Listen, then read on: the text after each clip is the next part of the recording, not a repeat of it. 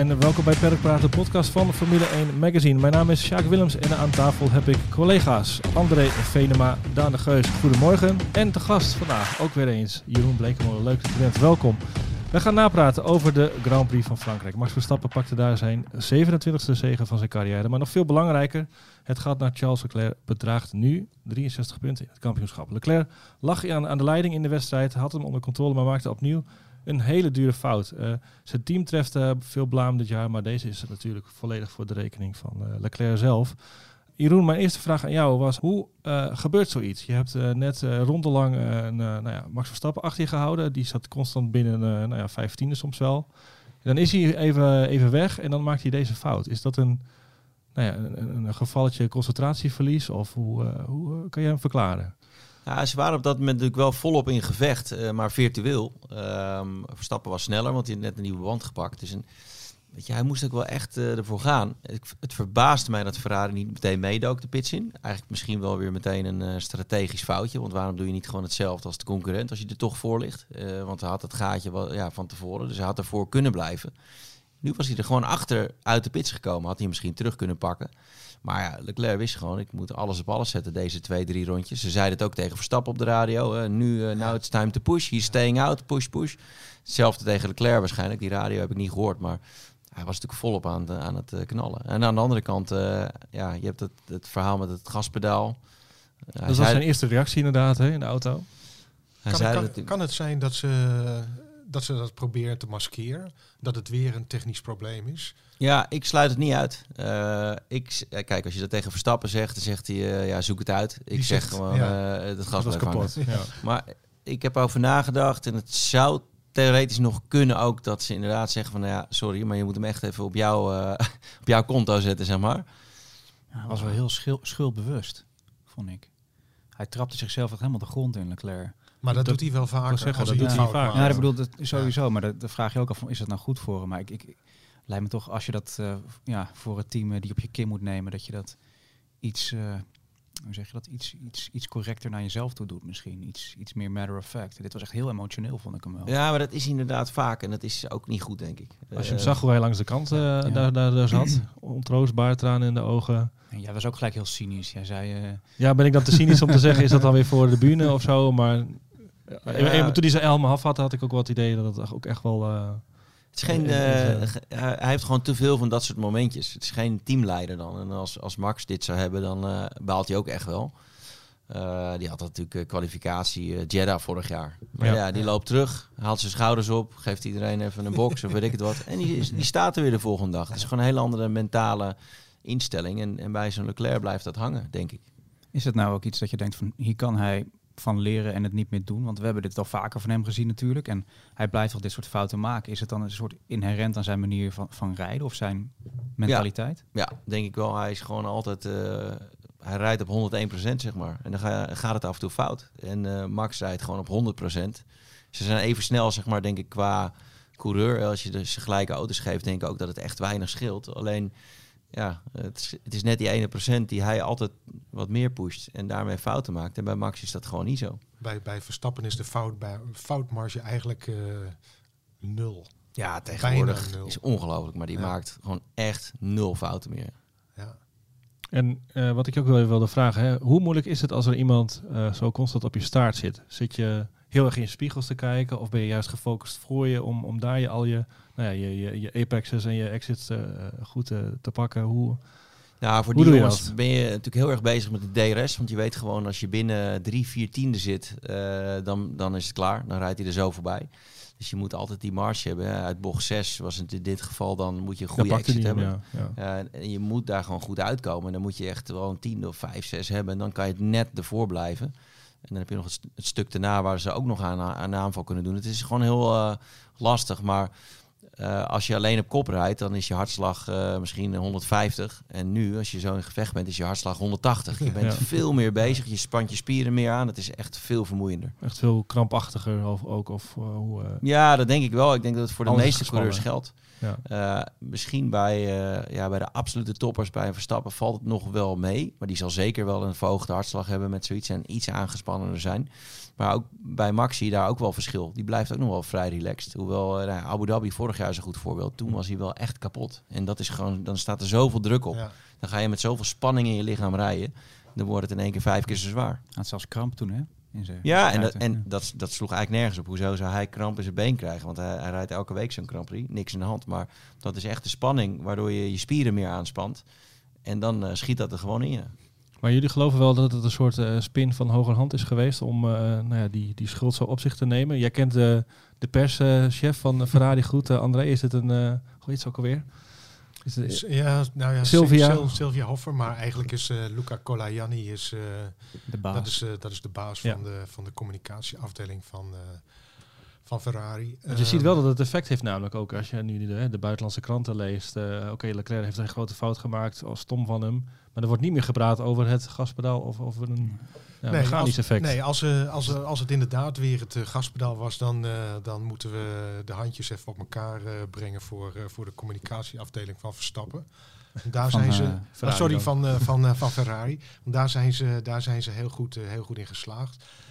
aan de andere kant, um, ik ken Leclerc een, een, een beetje. En ik, ik vraag me af, hij, hij is natuurlijk hij zal, hij, is hij zal bereid zijn om heel ver te gaan voor zijn, uh, voor zijn team, uh, wat, wat opofferingsgezindheid betreft. Maar ik vraag me af of hij dit zou willen doen, om heel eerlijk te zijn. Ja, ik, denk dat het wel gewoon een oprechte fout was van, uh, van Leclerc. En ook aan, gewoon aan zijn reactie te zien, maar ook gezien de, de, de frictie of soort van druk die op die relatie staat, natuurlijk door de, de fouten die we dit jaar hebben gezien bij, bij Ferrari's kant. En ook de oor, en ook, ik wil niet zeggen de oorwassing, maar ik, waar was het mhm. in Engeland, hè, dat Binotto uh, na de race uh, even met hem, uh, met hem stond te praten, één op één.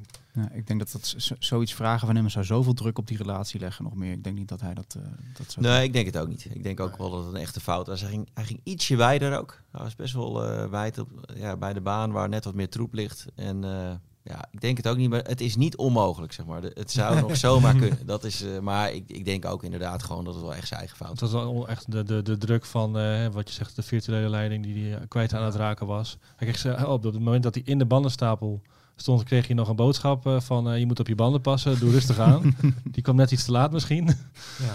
Ja. maar ze waren alweer te laat bij Ferrari. Want op dat moment, toch? Uh, ja, dus je, moet gewoon. Uh, hij had een uh, groot genoeg gat om meteen eronder daarna naar binnen te duiken. En dan lig je er nog voor. En nu. maar dat, was, dat zou inderdaad mijn volgende vraag zijn. Had Verstappen dit gevecht kunnen winnen? Als ze dus. stel ze waren eerder naar binnen gegaan. Of ze hadden juist langer doorgereden. En dat je op vestere banden kan eindigen. Ja, het is heel moeilijk te zeggen. denk je?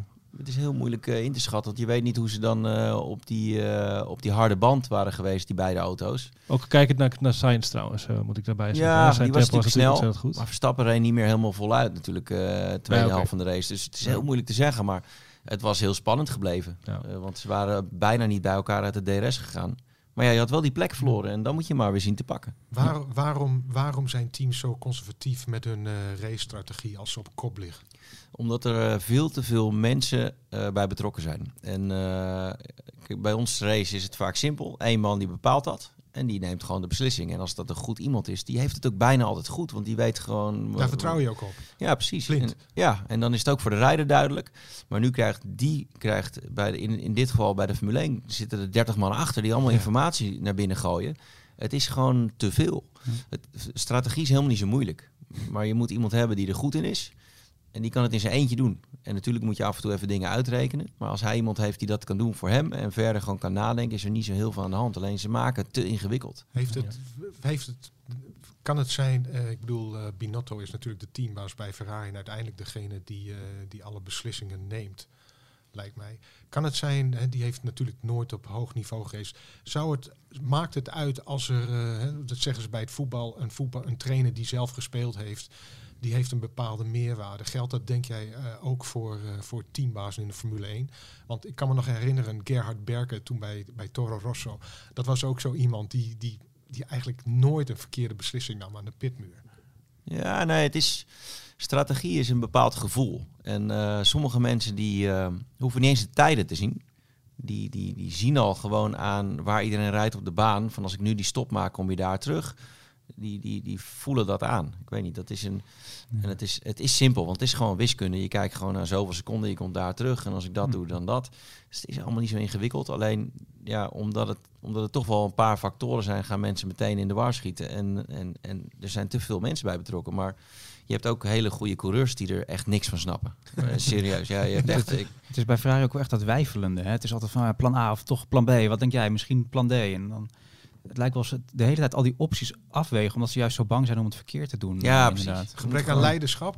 Ja, je moet gewoon duidelijk zijn. Uh, dat hadden we eigenlijk met de wedstrijdleiding vorig jaar. Hmm. Die, die was een beetje zo aan het twijfelen. En dan krijg je hmm. discussies. Nou, dat is precies hetzelfde met strategie. Als je gewoon zegt, dit is het, dit gaan we doen. Ja, dan, dan komt het meestal wel goed. Ik denk ook wel dat Ferrari misschien een beetje verrast was door Red Bull. Want Red Bull was best wel agressief met een vrij vroege stop natuurlijk.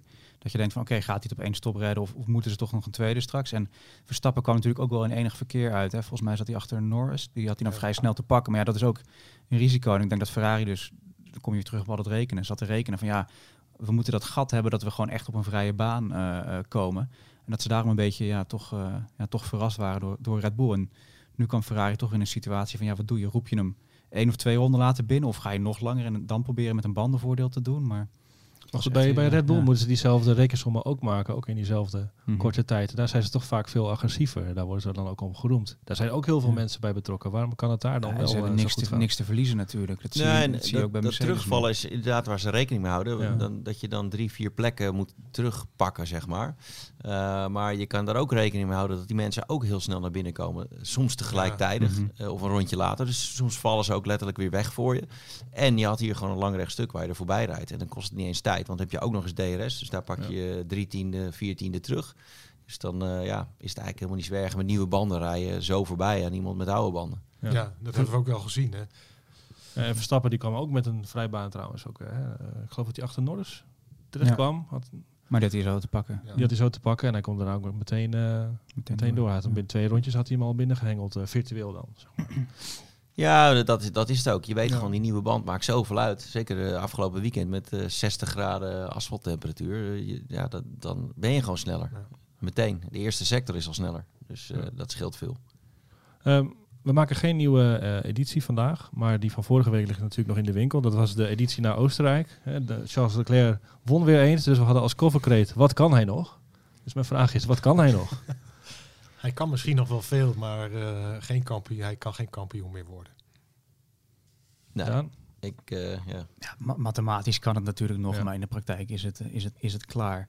Uh, het enige wat hij nog moet hopen of, of kan hopen is dat je in uh, Hongarije een soort situatie krijgt als vorig jaar dat iemand Verstappen een, een kegel geeft en, en dat hij de 25 punten pakt. Maar, en, en dat zou dan ook na de zomerstop nog één of twee keer moeten gebeuren. Maar ja. elke race dat Verstappen niet wint, wordt hij wel tweede. Dus, ja.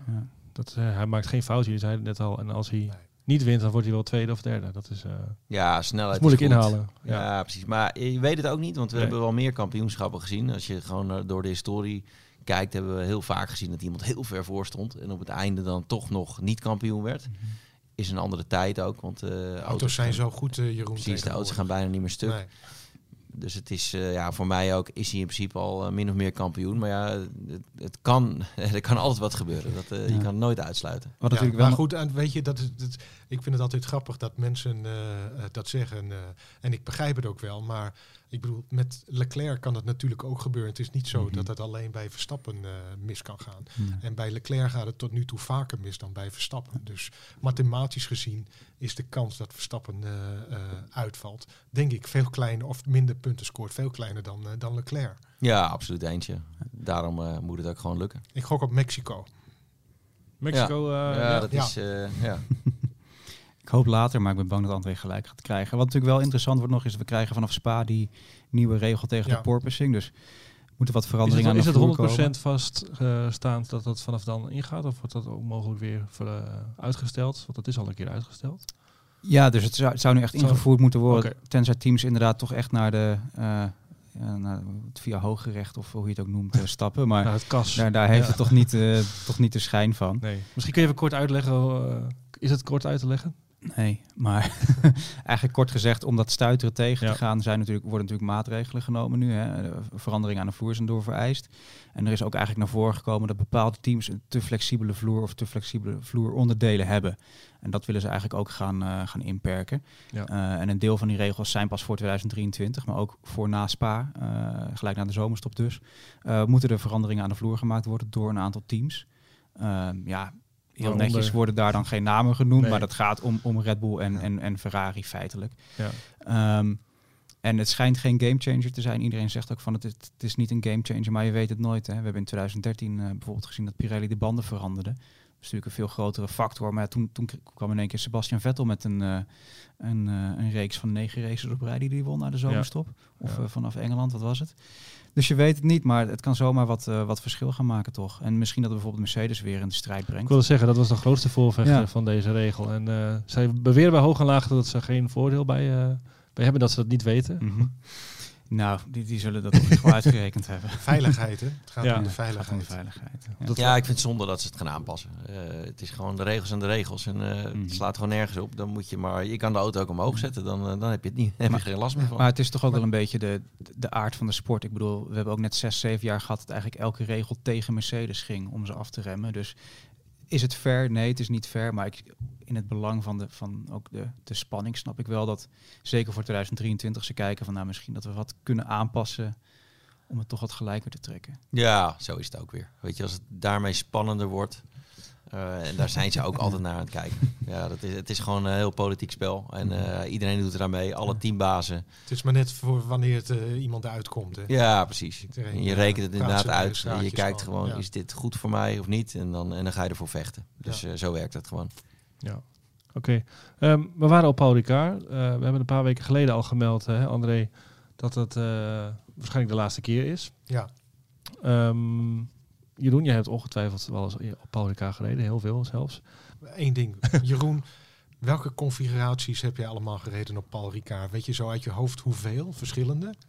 Nou, ik zal er zeker wel een stuk of vijf hebben gereden. Okay. Uh, wij, hebben wij rijden vaak zonder die chicane op het rechte stuk. Dus dat is eigenlijk wel veel leuker, want die chicane is helemaal niet zo leuk. Dat is gewoon een beetje een suffe chicane, zeg maar. maar we zijn allerlei kanten op geweest. Ik heb in de A1-tijd uh, we daar vaak getest. Ook Jos uh, Verstappen ook. Had je weer de, had je een dubbele chicane op het rechte stuk achter. Ja, we hebben korte banen hebben gereden. Ja, we zijn alle kanten op geweest eigenlijk. Nog niet tegengesteld, maar min of meer wel alles gedaan. De regeninstallatie? Ja, ja maar ik zeggen, de regen heb ik nog nooit... Uh, nee, nog nooit de sproei, gezien. nee, die hebben we nog nooit gezien. Nee. Maar nee, ik ga hem niet missen, omdat ik gewoon... Uh, ik heb een hekel aan al die uh, moderne circuits. Uh, ik race in Amerika heel veel. Dat zijn echte circuits, zeg maar. Ja, Zandvoort is een echt circuit. Maak je een foutje, nou, je hebt echt een probleem. Mm -hmm. Zandvoort is een mooi voorbeeld eigenlijk hoe je dingen tegenwoordig op kan lossen. Want neem de Tarzanbocht, als je daar recht doorschiet, dan moet je om de grindbak heen rijden. Dus je bent niet uit de race, je staat niet in het grind, geen safety car. Maar je bent wel 10 seconden kwijt. En dat is eigenlijk gewoon een, een mooie straf voor een foutje. Ja en veilig. Dus ik vind dat ze naar dat soort dingen toe moeten en niet uh, van die hele stroken asfalt en uh, weet ik het wat. Ja, en die, en die chicane in het midden, die uh, is nog wel eens moeilijk te vinden, zag jij ook, hè? Op, ja, dat was mooi, want je zag Hamilton had de eerste vrijtraining natuurlijk gemist, omdat Nick de Vries in de auto zat. Maar toen zat ik onboord bij hem te kijken toen hij zijn eerste rondje uitreed. En ik weet het van mezelf, ik zeg nog van, nou, eens kijken of je meteen ziet waar die ligt. En ik moet altijd naar me kijken de eerste twee, drie ronden van waar die precies is. Omdat je zoveel kleurtjes ziet, zoveel borden ziet, zoveel weggetjes, chicanes. En ja, je moet gewoon zoeken. En hij zat ook te zoeken. Hij ging heel vroeg van zijn gas af. Je ziet hem kijken. En op een gegeven moment, ah ja, daar is hij. En toen ging hij weer op zijn gas en toen ging hij remmen. En natuurlijk een rondje later weet je het wel. Ja. Maar je kan simulator rijden, je kan alles van tevoren gezien hebben. Je hebt de trackwalk gedaan, de hele handel. Maar dan nog steeds, die eerste ronde, weet je gewoon niet waar die ligt. Leidt dat eigenlijk af, die strepen? Als tv-kijker wel, maar als coureur? Nee, nou, nou dat, zie je bijna dat niet is meer, net als Hamilton nee. even één rondje nodig heeft om die, ja. die chicane te vinden. Die, op een gegeven moment is het gewoon echt een circuit weer, zoals elk ander circuit ook. Ja. En, en gaat het in dit geval om het lijntje en niet een strookje gras waar je dan uh, niet op terecht wil komen. Maar uiteindelijk, ja, dat went heel snel. Ja, en de, en de baan op zich, de, de, de layout, als je afgezien van de, de, de uitloopstroken, is dat, uh, kun je daar nog lol aan beleven? Of? Ja, het is een prachtig circuit. maar als er gras en grind ligt. Dan Want, had het, eh, eh, ja, dan- Ja. Zoals die, die Sinje, die bocht, ja oké, die is met de Formule 1 auto te makkelijk vol. Dat is heel erg jammer, Ja. want dat is een serieuze bocht. Die reden wij met, eh met eh, LMP 2 van Porsche, met, met Jos ook. Weet ik nog precies, reden het hele lange rechtstuk, waren we 320 aan. Of 315 en dan was hij net vol en dan zakte de auto ja, rond de 300. Ja, dat was voor ons echt, weet je, ja, dat ging, en nu race ik ook met 300 doorheen, maar met één hand, weet je, Ja. daar is niks aan. naast elkaar ook. eh, Ja, dus en, en naast elkaar. ja. En ja. er is echt niks aan dan. Maar Nee. met Formule 2 bijvoorbeeld, daar zag je dat het echt eh, op de, die, die gingen niet vol doorheen. En ook in de race, eh, kwalificatie was het volgens mij wel vol, maar race bijna geen één rondje. Nee. Dus dan is het wel een bocht. En die lange Ja. doordraaien daarna en zo. Het is wel een, een mooi circuit, maar het is gewoon, je hebt te veel ruimte om fouten te maken. Ja. Zou die, dat rechte stuk zonder chicane, zou dat leuk zijn voor de Formule 1? Of is dat ook gewoon... eh, ga je dan net zo hard eh zien Ja, het, het is te lang. Ja. En eh, dan met DRS rijden de, de ander altijd voorbij. Ja. Dus dan, eh, dan kunnen ze een hele korte DRS erin maken. Of twee. Of twee misschien wel, ja, dat je elkaar terug kan pakken. Maar ja, dat is gewoon te lang inderdaad. Dat, Ja. Op zich hebben ze die chicane wel oké gedaan. En eh, ze hebben het ook slim gedaan om dan één DRS op het eerste stuk. Want je zag heel veel gevechten op dan het stuk daarna. Dat je toch nog dan eh, zonder DRS echt in gevecht moest gaan. Ja, ja, ja. Dus eh, je gaat hem niet missen, is volgens mij eh, de conclusie. Ja, er zijn veel mooiere circuits in de Ja. wereld. En eh, die gaan ze ook wel vinden. Want die Amerikanen, die, de, die snappen dat wel. Kilami wordt veel genoemd. Is Ja. dat een baan waar je warm van wordt? Ja, die stop, daar heb Ja. ik ook veel gereden. En best wel veel eigenlijk. Ja. De A1 en ook lokale klas heb ik daar een paar keer meegedaan. Is echt een mooi circuit. is helemaal verbouwd. Dus het is ook echt super modern. Ja. Ze hebben nu ook wel weer wat te veel asfalt Ik wil neergelegd. zeggen, goeie, goed modern of... eh, Ja, ze hebben op een paar modern. plekken eigenlijk te veel gedaan. ja. Maar nog steeds is dat wel echt een gaaf circuit. Ja, eh, ehm, ja, de volgende Grand Prix eh, komt er alweer aan, André. Woensdag pak jij eh, de koffers. Nou, Hongarije, Eén koffer hoor. Eén koffertje maar. Hè? Ehm, tegenwoordig. Ja. Ja, Daan haalde het net al aan. Hè, voor de, stel, eh, Verstappen wordt daar nog afgekegeld. Dat zou er misschien eh, wat spanning terugbrengen. Er wordt wel eh, wat regen voorspeld. Ja, zag ik eh, ja, zaterdag en zondag. Dus eh, vorig jaar ook volgens mij, toch? Ja, dan had je die natte, die natte start. Ja, Waardoor Hamilton Bottas- alleen op de oh grid. ja, toen Bottas... eh, Ook Ja, dat stond, nog, ja. stond Hamilton eh, in zijn eentje, eh, die echt een grote fout maakte toen. En Ocon Ja, die ja, als ja. eerste de bocht in ging en iedereen links zo ja, uit beeld te Ja, schuiven. Ja. Maar eh, de, de, nou, ja, als, als vooruitblik, dat is normaal gesproken een Ferrari-circuit? Vraagteken. Hmm, volgens mij is het van oudsher vanwege het, Mickey Mouse karakter eh, een, eh, een Red Bull Ja, eh, maar circuit. dit, jaar misschien, Dit dit jaar jaar is anders. Ja. dan denk ik. denk Ja. ook. Want als je nou kijkt, eh Paul Ricard, derde sector, was eigenlijk Ferrari beter. Ja. En dat is iets meer, ja, valt ook bij, er zit ook die snelle rechter in, maar het is iets meer Mickey Mouse. Zeker in de Ja. laatste paar bochten. In de eerste, eerste trouwens ook, ja, op Paul Ricard. Daar pakte hij ook nog steeds een paar tiende. Ja, precies. Het was echt, eh, op de rechte stuk is de Red Bull sneller, maar die heb je Ja. bijna niet Nee. op de Hungaroring. Dus Nee. wat dat betreft denk ik dat Ferrari eigenlijk best wel sterk zal zijn. Het zal, eh, als het droog is, ook zomaar heel heet zijn weer. Ja. Dus dan is bandenslijtage wel weer een Het- ding. Maar, De verwachting eh, viel mee trouwens voor het weekend. eh, rond, rond de 30. ja, dus, dus in verhouding tot wat het nu was, eh, valt Ja. het mee dan, ja. Ja. Het is wel een geliefde baan om de coureurs volgens mij, hè, Hongarije. Ja, ik Of weet misschien het bij jou dan niet, maar ja, ik vind het altijd ik heb al een paar mensen horen zeggen de afgelopen weekend. Ja, leuk Hongarije. Ik vind het altijd baan. eigenlijk eh, drie keer niks, als Oh. ik eerlijk ben. Je hoort veel jongens zeggen van het is een beetje een, een kartbaan. Het Ja, daarom wel dat leuk is het toch ook? maar- Ja, er zit niet echt iets heel spannends in. Er zit nou niet één bocht in die echt heel gaaf is. Ehm, ja, nee, ik vind het eigenlijk nooit wat. Alleen wat wel leuk is bij die Grand Prix gebeurt heel vaak iets onvoorspelbaars. Er zijn vaak teams in één keer snel die normaal niet snel zijn. En dat begon al, eh, ik, ik kan me herinneren, Damon Hill 96, die in één keer met die eh, arrows, de arrows, eh, ja. de wedstrijd ging winnen. Uiteindelijk ging ze bakstuk, werd hij tweede. Maar je hebt heel vaak teams die in één keer daar sneller zijn dan op andere circuits. Dus het is ook een beetje een gekke baan qua auto, setup. omdat je gewoon, je hebt weinig, bijna geen rechte stukken. Ik, zou, ik, wil, ik wil de Mercedes nog noemen. Die wordt door de insiders genoemd. Hè, de auto met de meeste downforce misschien wel. Dat is ook een beetje een probleem tegelijkertijd. Maar dat zou op Hongarije dan wel eens kunnen helpen. eh, en, en wat ik aan wilde stippen nog was de, de, de verhouding tussen Russell en Hamilton. Die is, in het begin van het seizoen was dat toch vooral Russell. Dat is nu alweer... Ja, maar hij. Hamilton kreeg heel veel kritiek aan het begin van het jaar. Ja. En ik was het er eigenlijk toen al niet zo mee eens. Ik heb het ook een paar keer gezegd, want daar, in Bahrein was hij beter. Stond voor hem op de grid. eh, stond op het podium. En toen in uh, Jeddah had hij een hele slechte kwalificatie. Dus toen had hij een slecht weekend. Het weekend daarna had hij Australië, volgens mij. met die safety car. Had hij een safety car. Anders had hij ook op het podium gestaan voor Russell. Hij was gewoon sneller. Dus hij had helemaal niet zo'n hele, hele slechte start. Behalve Jeddah kwalificatie. Toen hadden we Italië stond hij ook slecht in de kwalificatie. Maar hij heeft gewoon eigenlijk twee keer slecht gekwalificeerd. Waardoor zo'n race heel moeilijk wordt. Mhm. Maar weet je, er staan ook 6-6 in het kwalificatieduel. Dus dat is redelijk gelijk. Maar ik vond hem eigenlijk in het begin al niet echt slechter dan Russell. Alleen wat ook is, ze hebben andere onderdelen bij, uh, bij, uh, bij de verschillende auto's erop gezet. En hij heeft een paar keer de verkeerde onderdelen ook gehad. En daarmee uh, misgegrepen. en zo'n zo'n Jeddah en Italië, dat kan best zijn dat hij toch gewoon een vloer had die niet goed werkte. Ja, hij was een beetje het proefkonijn, zei hij ook. Hè? Ja, ze gingen gewoon twee richtingen op. Ja. En ja, je, je ziet toch wel weer hoe goed hij gewoon is. Als, ja, het, het, hij blijft gewoon wel verbazen. Hij is gewoon echt nog steeds een van de allerbeste alle tijden. de cijfers zeggen het, maar dat is nog steeds op deze leeftijd ook zo. Ja, Grand Prix 300 uh, dit weekend. Dat is toch een bizar aantal. Ja, een selecte club hè. Ja. 300 Grand Prix. Uh.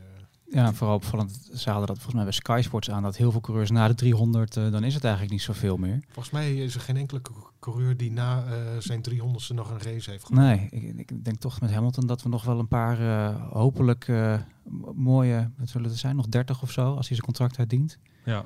Mooie ja. races gaan zien en misschien nog wel meer daarna. Maar, volgend, jaar, volgend jaar zeker nog. Ja, ik, ik schat in dat ze eind dit jaar wel eens een keer een race kunnen winnen. Natuurlijk kan er wat geks gebeuren waardoor ze altijd een race kunnen winnen, want ze zitten er dichtbij. Ze zijn niet meer zoveel te langzaam. Ze zijn maar... betrouwbaar. Ze mm -hmm. pakken hè, de kans Precies, als hij ja. zich voordoet. Ja. Dat, maar uh... ik denk ook op snelheid dat ze misschien aan het einde... Want je, nu verliezen ze in die beginfase heel veel. Want de eerste paar ronden is er meteen een paar seconden weg. Ja. Kwalificatie is slecht, dus je start al net wat verder naar achter. Maar op een gegeven moment rijdt hij gewoon dezelfde tijden. natuurlijk is iedereen dan aan het managen. Verstappen is dan ook niet helemaal aan het pushen. Maar ze zitten eigenlijk wel heel dichterbij uh, op race snelheid. Ja, wat Hamilton ook wel zei, ze hebben heel veel moeite om de banden echt goed in het window te krijgen. Maar zodra dat gelukt is, dus vaak later in de stints in de race, dan kunnen ze vaak langer door en zijn ze ook nog behoorlijk snel inderdaad. Ja, dus vaak een auto ja. met meer downforce, die blijft vaak blijft die band gewoon beter. Dat zie je bij hun ook. En uh, de Red Bull uh, en, en, misschien ook de Ferrari, ja, die hebben gewoon wat meer topsnelheid. Maar ja, zijn auto ook wat meer in de bochten. Weet je, die moet wat harder werken in de bochten. Dus met die downforce hou je die band vaak toch ook wel echt wat beter. Ja, ja, ja. oké. Okay.